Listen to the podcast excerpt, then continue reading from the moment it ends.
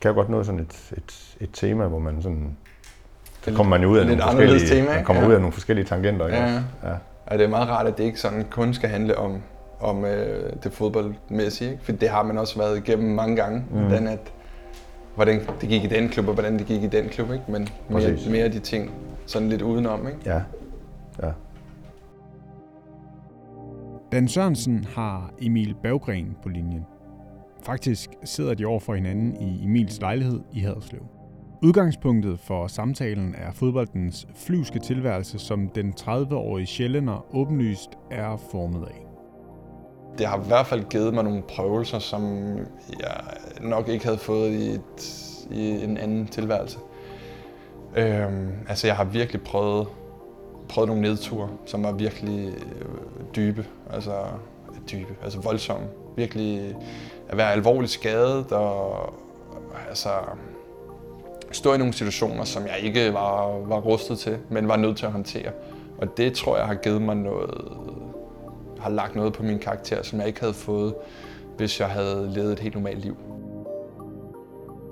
Hvad det er for nogle prøvelser, kan du høre i den her udgave af Spillerforeningens podcast, der i det her tilfælde er bragt i samarbejde med Holger Danske Flytteforretning. Godt. Jamen, øh, skal vi ikke prøve det? Emil? Jo, Ja. kast os ud i det. Du lytter til Spiller til Spiller. God fornøjelse. Det er ikke kun papkasser, der skal flyttes, når en fodboldspiller skifter klub. Også hovedet skal flyttes med, for hvor er hjem, når man spiller i udlandet, og hvor hører man til? I samarbejde med flytteforretningen Holger Danske fanger Spillerforeningens podcast Spiller til Spiller nogle af de spillere, der har eller har haft arbejdsplads i den store verden. Og velkommen altså til os til gæsten i denne udsendelse, 30-årige Emil Berggren, angriber i Sønderjyske. Og Emil, du har prøvet, som vi lige sad og talte om, inden vi begynder sådan for alvor optager, mm. du har prøvet at flytte nogle gange efterhånden i dit liv. Ja, det har jeg i hvert fald, og, og tak fordi du byder mig velkommen. Det er, nu sidder jeg jo her i Sønderjysk, og det er vel, hvad vi ud af, 9. gang, at jeg er flyttet i mit øh, 30-årige liv. Jeg tæller til syv fodboldklubber på dit CV, er det korrekt? Ja, altså nu ved jeg ikke, om du har helt styr på mine ungdomsår, men, øhm, Nej, men sådan efter du, efter du bliver senior. Ja. det må være korrekt. Ja. Det, det kan jeg godt gå med til. Brøndshøj, Hobro, Eintracht Braunschweig, Mainz, Twente, Greuther Fürth, Mm. og så sidste år tilbage til øh, dansk fodbold og Ja. Sønderjyske. Yes. Hvor er du henne i livet lige nu? Jeg synes, jeg er et godt sted i livet. Øhm, der er nogle ting, der kunne være bedre og endnu bedre. Det er jo selvfølgelig klart. Men det var rigtig dejligt for mig at komme hjem til Danmark for ja, sidste vinter. Øhm, fordi jeg havde haft jeg havde haft syv år i udlandet, og nogle af dem havde også været nogle magre år, hvor jeg havde haft nogle, øhm, både nogle ups, men også nogle downs. Og det at komme hjem og så være meget tættere på familie og venner, end jeg havde været i, i mange, mange år, jamen det var dejligt. Og så også det med at komme ind i en god klub, hvor at, øh, der var en god stemning, og man kunne lynhurtigt få en masse venskaber. Øhm, det var dejligt. Hvad var det, der gjorde, at du tog hjem? Fordi du kunne vel i teorien godt være blevet ude, fordi når man først er kommet ind i møllen, mm. hvis man skal sige det på den måde, når man er har først fået øh, hul på bylden, altså ja. Ja. og kommet til udlandet, Mm. så er det vel lidt nemmere sådan at, at flytte fra sted til sted. Ja, altså jeg tror, at mit problem i forhold til at blive i udlandet var, at jeg havde klart bedst muligheder i Tyskland, men jeg var meget træt af Tyskland. Så jeg havde haft seks år i Tyskland, et år i Holland, og jeg, hvis jeg skulle blive ude, det var jeg sådan set helt frisk på, men så kunne jeg godt tænke mig, at det skulle være et nyt land end Tyskland. Der var noget med tysk kultur, og hvordan at de ville behandle alle ens, som ikke var det rigtige for mig, øh, som jeg simpelthen var med af. Så på, ja, på den baggrund, der vurderede jeg, at det var det rigtige at komme hjem til Danmark, hvor, også, hvor Superligaen også er spændende, og det var også Superligaen, jeg kom hjem til.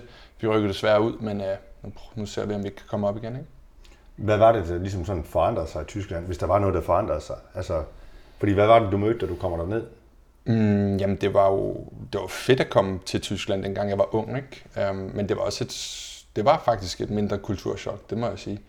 Um, fordi jeg kom selvfølgelig fra både Brøndshøj og Hobro, hvor at det var meget øh, en meget loose kultur, hvor man kunne tale med alle. Altså det var lige meget, om du var rengøringsmand eller sportsdirektør, så var alle i samme båd. Og i Tyskland, der var det Som meget... flat hierarki. Og... Fuldstændig flat hierarki, lige præcis. Fuldstændig afgørende forskel, for i Tyskland der var det et, et meget, meget markant hierarki, hvor man virkelig skulle tænke over, hvordan man skulle tiltale dem, der var højere i hierarkiet end en selv. Og det var noget, jeg troede hørte fortiden til. Men det gjorde det ikke. Det var faktisk lige syd for grænsen. Ikke? Øhm, så jeg skulle tænke over, hvordan jeg skulle tiltale øh, træneren, og mange ting ud over det, der foregik på banen, der lige pludselig var vigtige, det forekom mig lidt fjollet.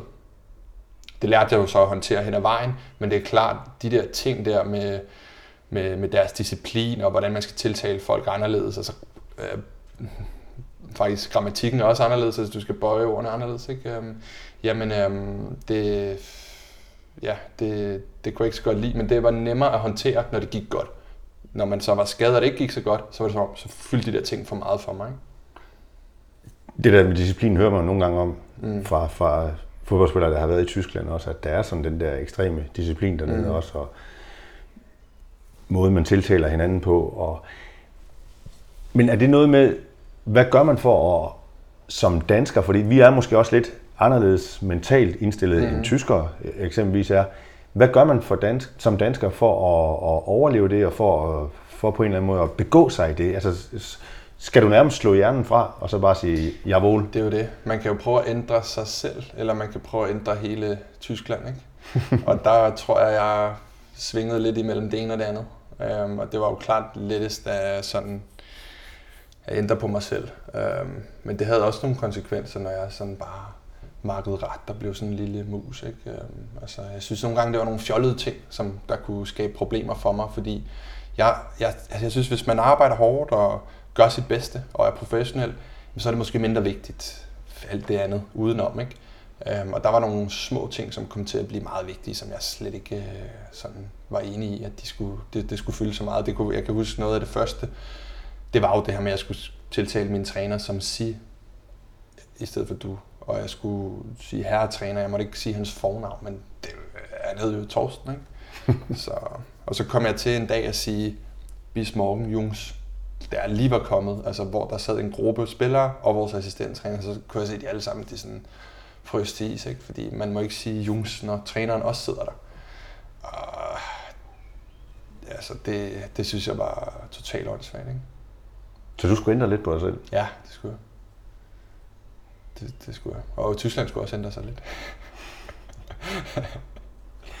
men det ender vel med at blive, altså, men det ender vel med trods alt at blive en okay cocktail, fordi I, du bliver der jo, altså i nogle år trods alt. Jo, jo, jo. Altså, det var, der var også en masse fantastiske ting ved at spille fodbold i Tyskland. Altså det, den opbakning, der var omkring klubben i Braunschweig for eksempel, øhm, ikke mindst i Braunschweig, jamen, det var fuldstændig fantastisk. Og, altså selve stemningen og altså, så når man oplever den tyske kultur med sine styrker og svagheder, og så kommer hjem til Danmark, så bliver man også både bevidst om, om, om, om svaghederne, men også styrkerne. Fordi at det kan også godt blive for loose i Danmark med, at folk de bare slasker op til maden, eller ligger ned på to stole til et, øh, til et taktikmøde.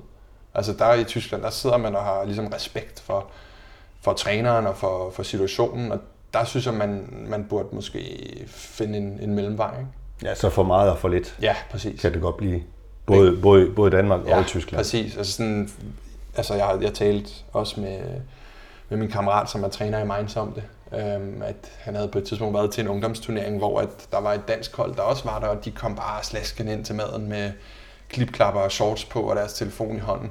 Og det, det, det går jo ikke i, i Tyskland selvfølgelig, men måske går det heller ikke i Danmark, hvis man gerne vil op på næste niveau. Altså, der, der kunne det være klædeligt, synes jeg, at man havde lidt respekt for, for maden, for eksempel. Ikke? Så stram an.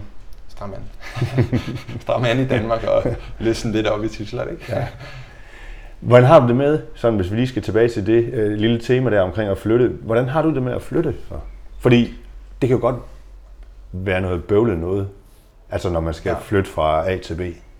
Ja, altså der er jo der er jo flere ting i det. Der er noget praktisk, som helst skal løses så godt som muligt, sådan, så det ikke har nogen negativ impact på, på dit spil. Men det er selvfølgelig en stressfaktor, hvis, særligt også hvis du vil tage hånd om det hele selv og spare lidt penge og sådan noget. Der har jeg altid været mere til den løsning med at få et firma til at pakke alt ned og pakke alt op, fordi at jeg har prøvet en gang, hvor jeg skulle flytte op og ned ad trapperne og sådan noget, og det satte sig sgu lidt i, i benene. Ikke? Øhm, og så er der det andet jo, det med, at man får nogle vildt gode venner, når man er i en klub, og måske særligt i udlandet, så finder man sig typisk sammen med nogle andre udlændinge og hænger rigtig meget ud med dem. Og så fra den ene dag til den anden, der skifter de klub, så ser man dem aldrig igen, stort set. Eller også så skifter man selv klub, og så, øh, ja, så får man nogle nye venner. Ikke? Så ja, på den måde, der er det faktisk, det er voldsomt i forhold til en helt normal tilværelse, ikke? at man oplever det der med at blive så tæt med nogen, og så komme væk fra dem igen. Ikke? Det kunne jeg godt tænke mig at blive lidt ved, fordi det der med, hvordan man skaber sig nye relationer og venskaber, også sådan, når man spiller i det store udland, øh, gør man det overhovedet? Altså, og, og når nu man også godt ved, at, at man jo i princippet, og det, er, det gælder jo for, for alle parter i virkeligheden, alle mm. sammen, princippet så er man bare på gennemrejse. Ja. lige, om, lige om lidt, så er man væk igen. Ja. Men jeg tror, at jeg har flere gange siddet med følelsen af, at vi er fandme næsten bedste venner her, ikke? og vi, øh, vi kommer til at have det her venskab for evigt. Men så rammer virkeligheden jo bare, når man skifter klub, fordi en ting, man ikke har så meget af som fodboldspiller, det er jo frihed. Og så har man så, så spiller man langt fra hinanden. Måske så nogle af mine rigtig gode venner, de spiller i England, ikke? Og så har jeg spillet i Tyskland og, og Holland ikke? i syv år. Jeg har ikke kunne se dem. De har ikke kunne se mig, og når, vi har haft, når jeg har haft fri, og de ikke har haft fri, øhm, så ses man måske to gange om året, når man har ferie. Men øh, sådan er det også, når man har ferie, skal man også se alle sine andre venner derhjemme og sin familie. Så jeg tror, man gør bare klogest i at acceptere, at det er en del af gamet. Man har det vildt godt, når man er i det. Og så er det også normalt, at, at man mister øh, meget af det venskab, man havde, når man ikke er i det. Altså det, det er sådan, det er. Ja, fordi man har måske meget tid som fodboldspiller, men man har måske ikke så meget frihed til at bruge den tid. Nej, altså det er derfor, det er smart at bruge den med dine holdkammerater. Ikke? Mm. Det, det er ligesom det bedste, du kan gøre. Og så acceptere, at det er nok ikke for evigt, og derfor også endnu mere grund til at få det bedste ud af det. Så skaber man sig, Emil, skaber man sig varige venskaber i fodboldverdenen? Ja, det er jo spørgsmålet, ikke, om man skal kalde det netværk eller venskaber, fordi at det er klart, at jeg kender rigtig mange mennesker, som jeg har været tæt med en kort overgang, et par år måske, eller et år, og så, øhm, og så er vores veje skiltes, og i dag, der vil jeg jo sige, at for at være venner, der skal man nok tale lidt oftere, end, end jeg gør med mange af dem. Men vi ved jo, hvor vi har hinanden, hvis det endelig er. Så jeg vil måske hellere sige, at man får et rigtig stort netværk, og forhåbentlig har man gjort et godt indtryk, så folk respekterer en, hvis, at, øh, ja, hvis man øh, ringer om fem år og er i en by, hvor min gamle holdkammerat han, han bor, jamen øh, så, er der, så er der minimum mulighed for en kop kaffe. Men altså, jeg vil ikke påstå, at jeg har 100 venner derude, fordi at det, kan, det kan man heller ikke have, vel? Emil Berggren, er du god til at falde til i nye omgivelser, nye steder? Ja, det, det synes jeg. Det synes jeg egentlig er. Um, Når du altid har været noget, du har lært dig selv? Fordi jeg ved ikke, om jeg altid har været det. Altså, jeg har i hvert fald haft et mål om at være god til det. det er jo ikke det samme, vel? Altså, jeg synes, det var vildt nemt at skifte over til Hobro. Det var jo første gang, jeg faktisk... Fra Brøndshøj til Hobro? Ja, præcis. Det var første gang, jeg skulle stå helt på egne ben og bo langt væk. lang, længere væk fra familie og venner, end, end hvad jeg ellers havde prøvet. Ikke? Og, det er jo fair nok at sige, at Hobro ja, er langt væk fra Brøndshøj. kæmpe skridt, kæmpe skridt, jo jo. Men de var jo så søde jo. Mm. Altså, så jeg, jeg skulle godt nok være en idiot, hvis ikke jeg ligesom lykkedes med at blive taget ind i deres øh, gruppe der. Ikke? Så, så var det jo, så det var egentlig god forberedelse til så at tage det næste skridt, som var et meget større kulturschok. Ikke at tage til, selvom det også er et kulturschok at flytte til Jylland, så er det et større et at flytte til Tyskland. Ikke? Men, øhm, men der havde jeg ligesom, der havde jeg ligesom lidt selvtillid med i bagagen over, at det var lykkedes mig at komme over og blive en del af gruppen i Hobro, og det kunne jeg nok også godt det næste sted. Jeg kunne så ikke tysk jo, og de kunne ikke engelsk, så det, det gik måske lidt træt i starten, men det lykkedes. Hvad gør man så? Ja, så, så lærer man tysk og, og, og integrerer sig med udlændingen. Ikke? Men det er jo så lidt, det er måske lidt ærgerligt, men det er nu engang sådan, det er. Alle klubber, jeg har været i, der er der en gruppe med udlændinge, og så er der en gruppe med øh, de hvad, indfødte, er måske mm. lidt indianer over, men øh, med dem, der kommer fra landet, man, øh, man nu engang spiller i. Øh, og det, ja, altså det er lidt federe, hvis man kan mixe det lidt op, sådan så det ikke hver gang, man er på hotel, så er det udlændinge på et bord, og danskerne på et andet bord. Ja, for sådan bliver det vel tit. Det bliver tit sådan, fordi man har også meget til fælles, når man, altså, jeg har jo også mine egne venner og familie og alle mulige muligheder her i Danmark, som udlændingene ikke har. Øh, så derfor er det mere naturligt, at de hænger med hinanden, og vi hænger med hinanden. Ikke? Men øh, det prøver vi da også at være opmærksom på her i, i Sønderjyske, Men man kan vel godt have, altså, jeg tænker også, man kan godt have masser af gode intentioner om, at, mm. at sådan skal det ikke være, og vi, vi, skal, vi skal mixe og så videre, men, mm. men det bliver vel lidt sådan, at det er det, man falder tilbage på. Ja, ja det gør det, og det er også, altså, de har også lidt mere til fælles, ikke? fordi de er i samme båd. Ikke? At de er, de er, der er en, der har forladt Norge for at være her, og så er der en, der har forladt Frankrig for at være her. Og sådan, så de har jo ikke familie og venner her, så de har jo kun deres hold og, og hinanden. Ikke? Mm. Så du har lært dig selv et eller andet sted at være god til at falde til nye omgivelser, nye steder? Ja. Det, det her med at blive integreret også, mm. for eksempel i en, i en klub eller i et land. Mm. Hvordan gør man det? Ja, altså man har nok brug for noget hjælp. Ikke? Det kommer an på, hvor anderledes et land man flytter til, om man kan sproget eller ej. Altså nu, da jeg flyttede til Tyskland, der kunne jeg selvfølgelig ikke sproget. Jeg var heller ikke klar over, at de, har, at de hænger så gralt efter teknologisk. altså de har jo stadig øh, kontanter som ligesom den bærende betalingsmåde. Ikke? Ja, det er ikke et særligt digitalt samfund. Nej, det er det ikke. De hænger virkelig efter der.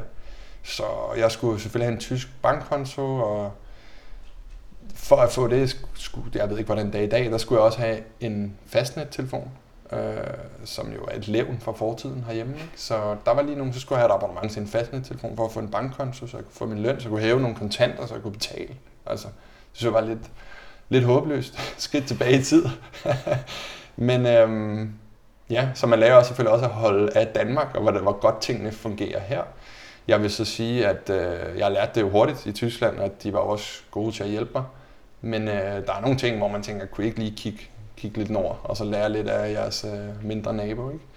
Øh, Holland, det var ret nemt. Der spillede det hele. Altså også kulturelt meget, meget tæt på, øh, på Danmark, synes jeg. Samme, øh, samme humor. Øh, de, jeg havde ikke så meget held med mine jokes i, i Tyskland, men øh, det, gik lidt, det gik lidt bedre i Holland, ikke?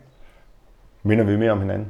Det synes jeg, mm. ja. Mm. Jeg synes, Holland er ligesom Danmark, bare lidt større og så lidt flere, øh, lidt mere multikulturelt. Ikke?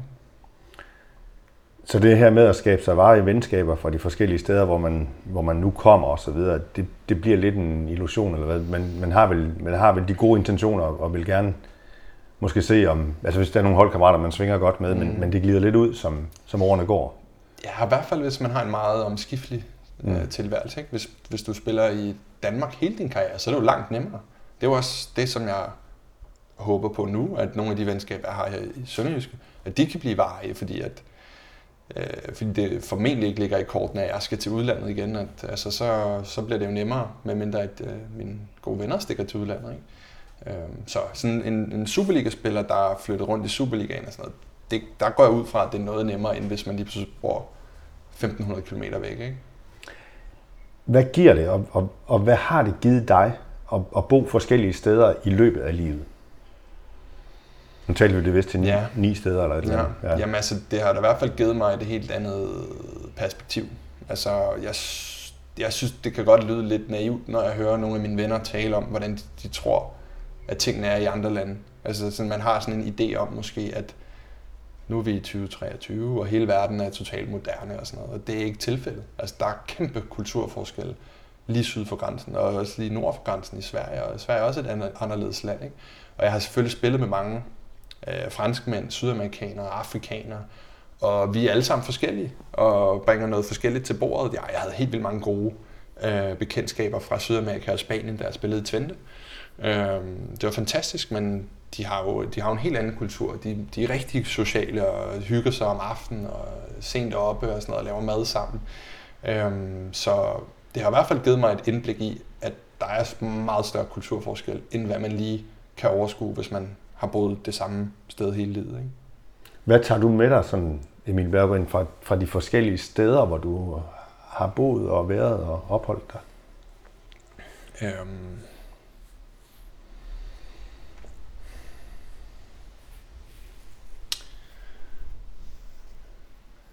Jeg håber, jeg håber i hvert fald, at jeg tager nogle, nogle venskaber med mig. det er klart, som jeg har gjort på min vej. Og så også ja, en, en bedre forståelse af, hvor, hvor forskellige kulturer er. Øhm, og også en viden om, at det slet ikke er så farligt, som man lige tror, hvis man gerne vil tage et skridt til et nyt land og tage et job et andet sted. Fordi Jeg kan huske, i starten, da jeg flyttede til, til Tyskland, der tænkte jeg sådan, hver gang jeg havde fri, uh, det kunne være dejligt at komme hjem til Danmark. Ikke? Og så nogle gange fandt jeg ud af, så brugte jeg pengene på flybilletten og alt muligt for at komme hjem til Danmark. Og så var jeg her. Nu er jeg i Danmark. Folk er stadig på arbejde, og det er jo ikke sådan, at verden står stille derhjemme og bare venter på, at Emil kommer hjem. Ikke? Så man finder jo ud af, at man kan sagtens, altså man kan sagtens skabe sig en tilværelse et nyt sted, en ny by. Man får nogle, øh, altså en stamcafé måske, hvor man får et helt vildt godt forhold til dem. Og, altså på den måde, der, der har jeg også sådan lidt lyst til at prøve at bo et andet sted efter min karriere, et andet land. Ikke? Altså, jeg vil håbe, at jeg har lært, at verden den er åben. Ikke? Der vil du gerne ud igen og bo, ja. i, bo i et andet land? Ja, ja, det kunne jeg godt tænke mig. Ser man, ser du, ikke mand, ser du øh, anderledes på Danmark, eller gjorde du dengang du boede de der 6-7 år i, i udlandet? Så du anderledes på Danmark dengang, end du gør nu? Øhm, ja, der er selvfølgelig også nogle ting, jeg har ligesom erkendt, efter jeg flyttede hjem igen. Ikke? At øh, man havde måske også forhærliget Danmark en lille smule. Altså, der, der er lidt, der er lidt stor afstand mellem mennesker i Danmark. Sådan. Det ligger ikke lige kort, når man begynder at falde i snak med sin sidemand i, i bussen eller i toget. Jeg tager jo nogle gange toget til, øh, til København. Hvis jeg falder i snak med nogen, så er det fordi, det er udlændinge typisk. Det sker typisk ikke med, øh, med danskere. Det er som om, at man, øh, man passer lidt sin egen butik. Ikke? Og der er, der er jo også lidt, lidt noget lukkethed og en lille smule, øh, en lille smule jantel over, så man helst ikke skal Altså man skal helst holde snuden i sporet i virkeligheden. Hvis du spiller fodbold, så spil fodbold og pas din træning. Ikke? Og særligt hvis du er skadet, så endnu mere. Ikke? Øhm, og der har jeg jo også, jeg har mange gange været i USA på ferie eller genoptrænet derovre og sådan noget. Altså, der synes jeg, det er helt vildt fedt, at der er så lille afstand mellem mennesker, og at man egentlig også hylder hinanden, hvis det går godt, i stedet for hele tiden at minde hinanden om, ja, ja, ja, men du skal heller ikke, nu skal du heller ikke lade det stige dig over hovedet, vel? Altså, jeg tror også, vi vil få flere stjerner herhjemme, hvis vi sådan bakkede hinanden lidt op og dyrkede det lidt, når der var nogen, der gjorde det godt. Ikke? Så vi skal være bedre til at klappe hinanden på skuldrene og bedre til at give hinanden roser? Ja, det synes jeg. Også hvis der er en spiller, der kan noget fantastisk og offensivt, så lad nu være med at fokusere på, at han lige mangler at takle lidt bedre eller et eller andet. Prøv nu at, at bygge ham op. Ikke? Har du selv hørt det? Nej, nu kan, nu, nu uh, kan jeg jo godt takle. Men der, nej, jeg, jeg tænker lige i forhold til den der, der tænker jeg faktisk mere på de mere flamboyante tekniske spillere mm. i Danmark. Der, dem synes jeg godt, at vi kunne dyrke lidt mere. Der ved jeg ikke, om jeg smiger mig selv, hvis jeg forsøger at placere mig i den kategori. Men øh, den lækre kandspiller der, jeg synes ikke, vi skal banke ham oven i hovedet og fortælle ham, at han skal blive bedre til at takle, nødvendigvis. Hvis han er så god til at udfordre, at han kan afgøre kampen. Ikke? Emil, fodbold er jo en del af dit liv også, og har, har jo været det i, nu i nogle år efterhånden. Hvordan har fodbold været med til at forme dig som menneske?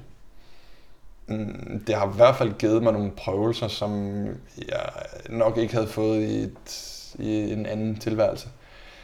Øhm, altså jeg har virkelig prøvet, prøvet nogle nedture, som var virkelig øh, dybe, altså dybe, altså voldsomme. Virkelig at være alvorligt skadet og altså stå i nogle situationer, som jeg ikke var, var rustet til, men var nødt til at håndtere. Og det tror jeg har givet mig noget, har lagt noget på min karakter, som jeg ikke havde fået, hvis jeg havde levet et helt normalt liv.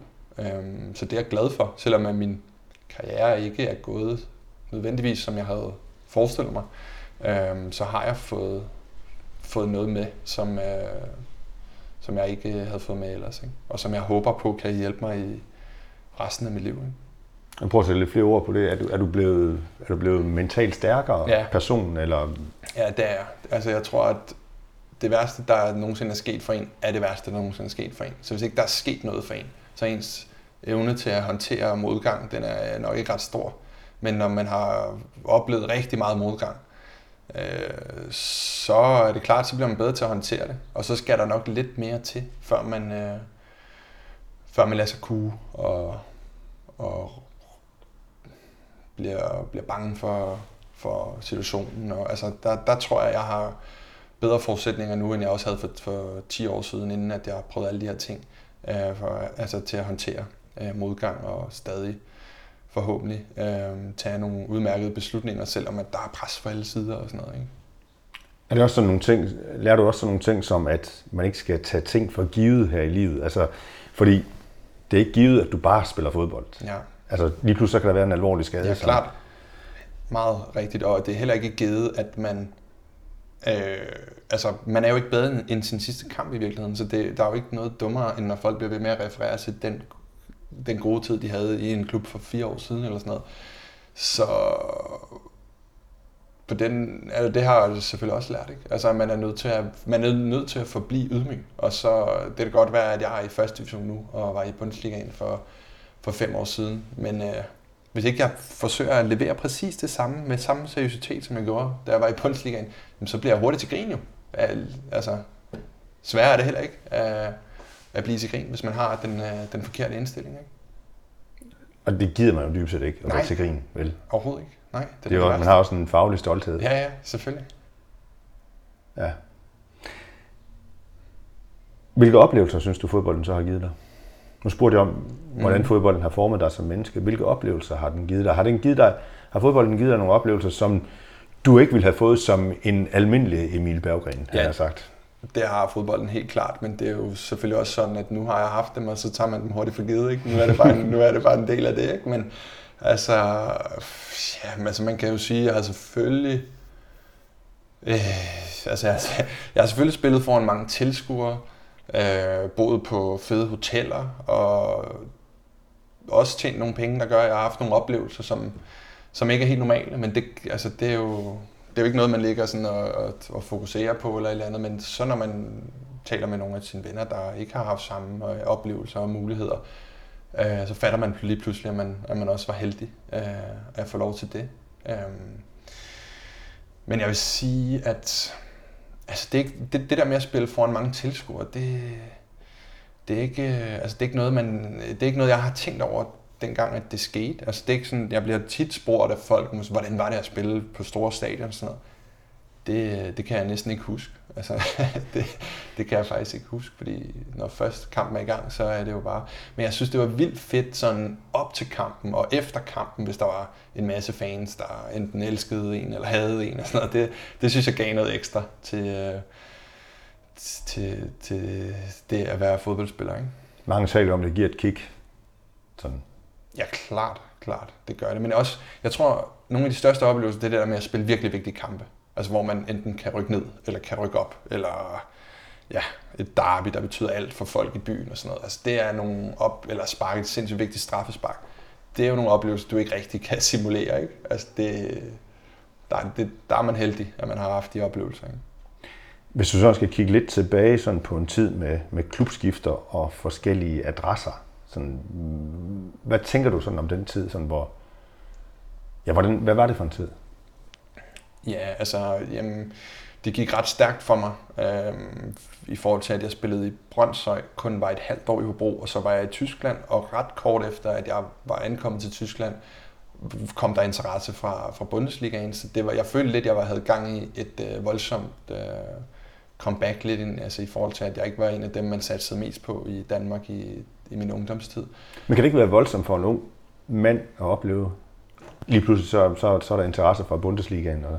Jo, jo, jo, og det var jo også øh, der, hvor jeg havde ret travlt. Ikke? Altså, jeg havde det faktisk ret godt i Braunschweig, men havde vildt travlt med at tage næste skridt. Ikke? Fordi der var, blev bare nævnt nogle klubber, som jeg slet ikke kunne stå for. Og jeg tænkte bare, det her, det er jo det er jo næsten for godt til at være sandt, så nu skal jeg have det hele, have det hele med. Ikke? Men det havde måske været smart at have lidt mere ro på, fordi jeg var faktisk et sted, hvor at min udvikling, øh, altså den virkelig tog fart, og så, og så var det jo, det var egentlig også fint at komme til Mainz, hvis ikke det havde været for, at jeg var skadet de første to år. Så det var jo selvfølgelig en katastrofe, kæmpe katastrofe.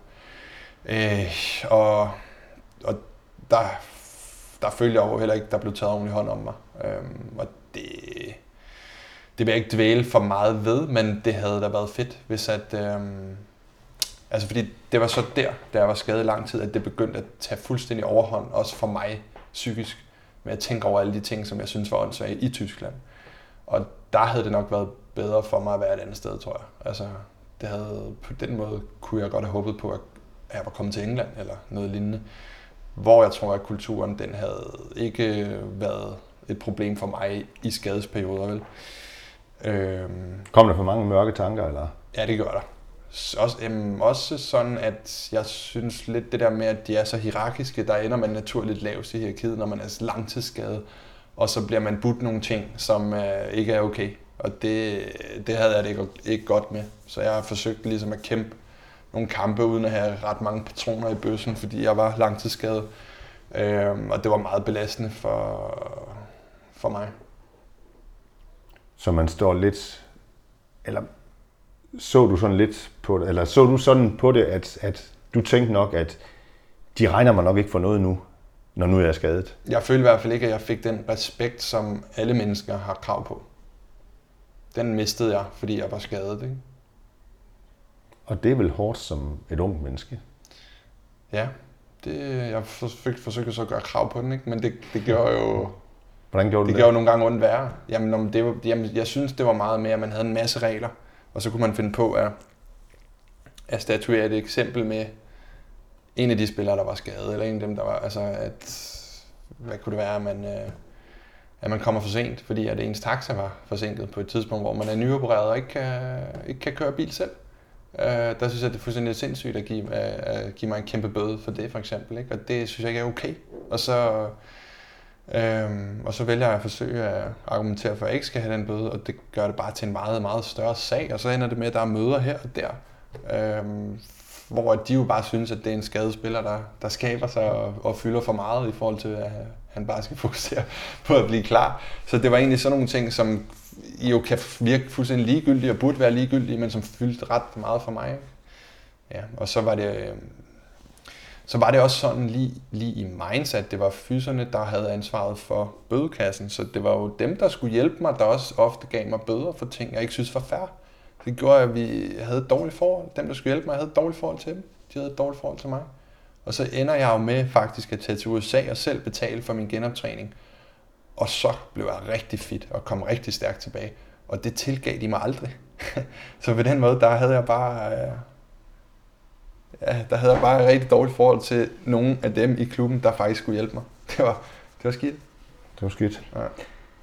Er der en risiko for, Emil, at man bliver lidt rådløs og har måske lidt svært ved at finde ud af, hvor man egentlig hører til, hvis man flytter meget rundt?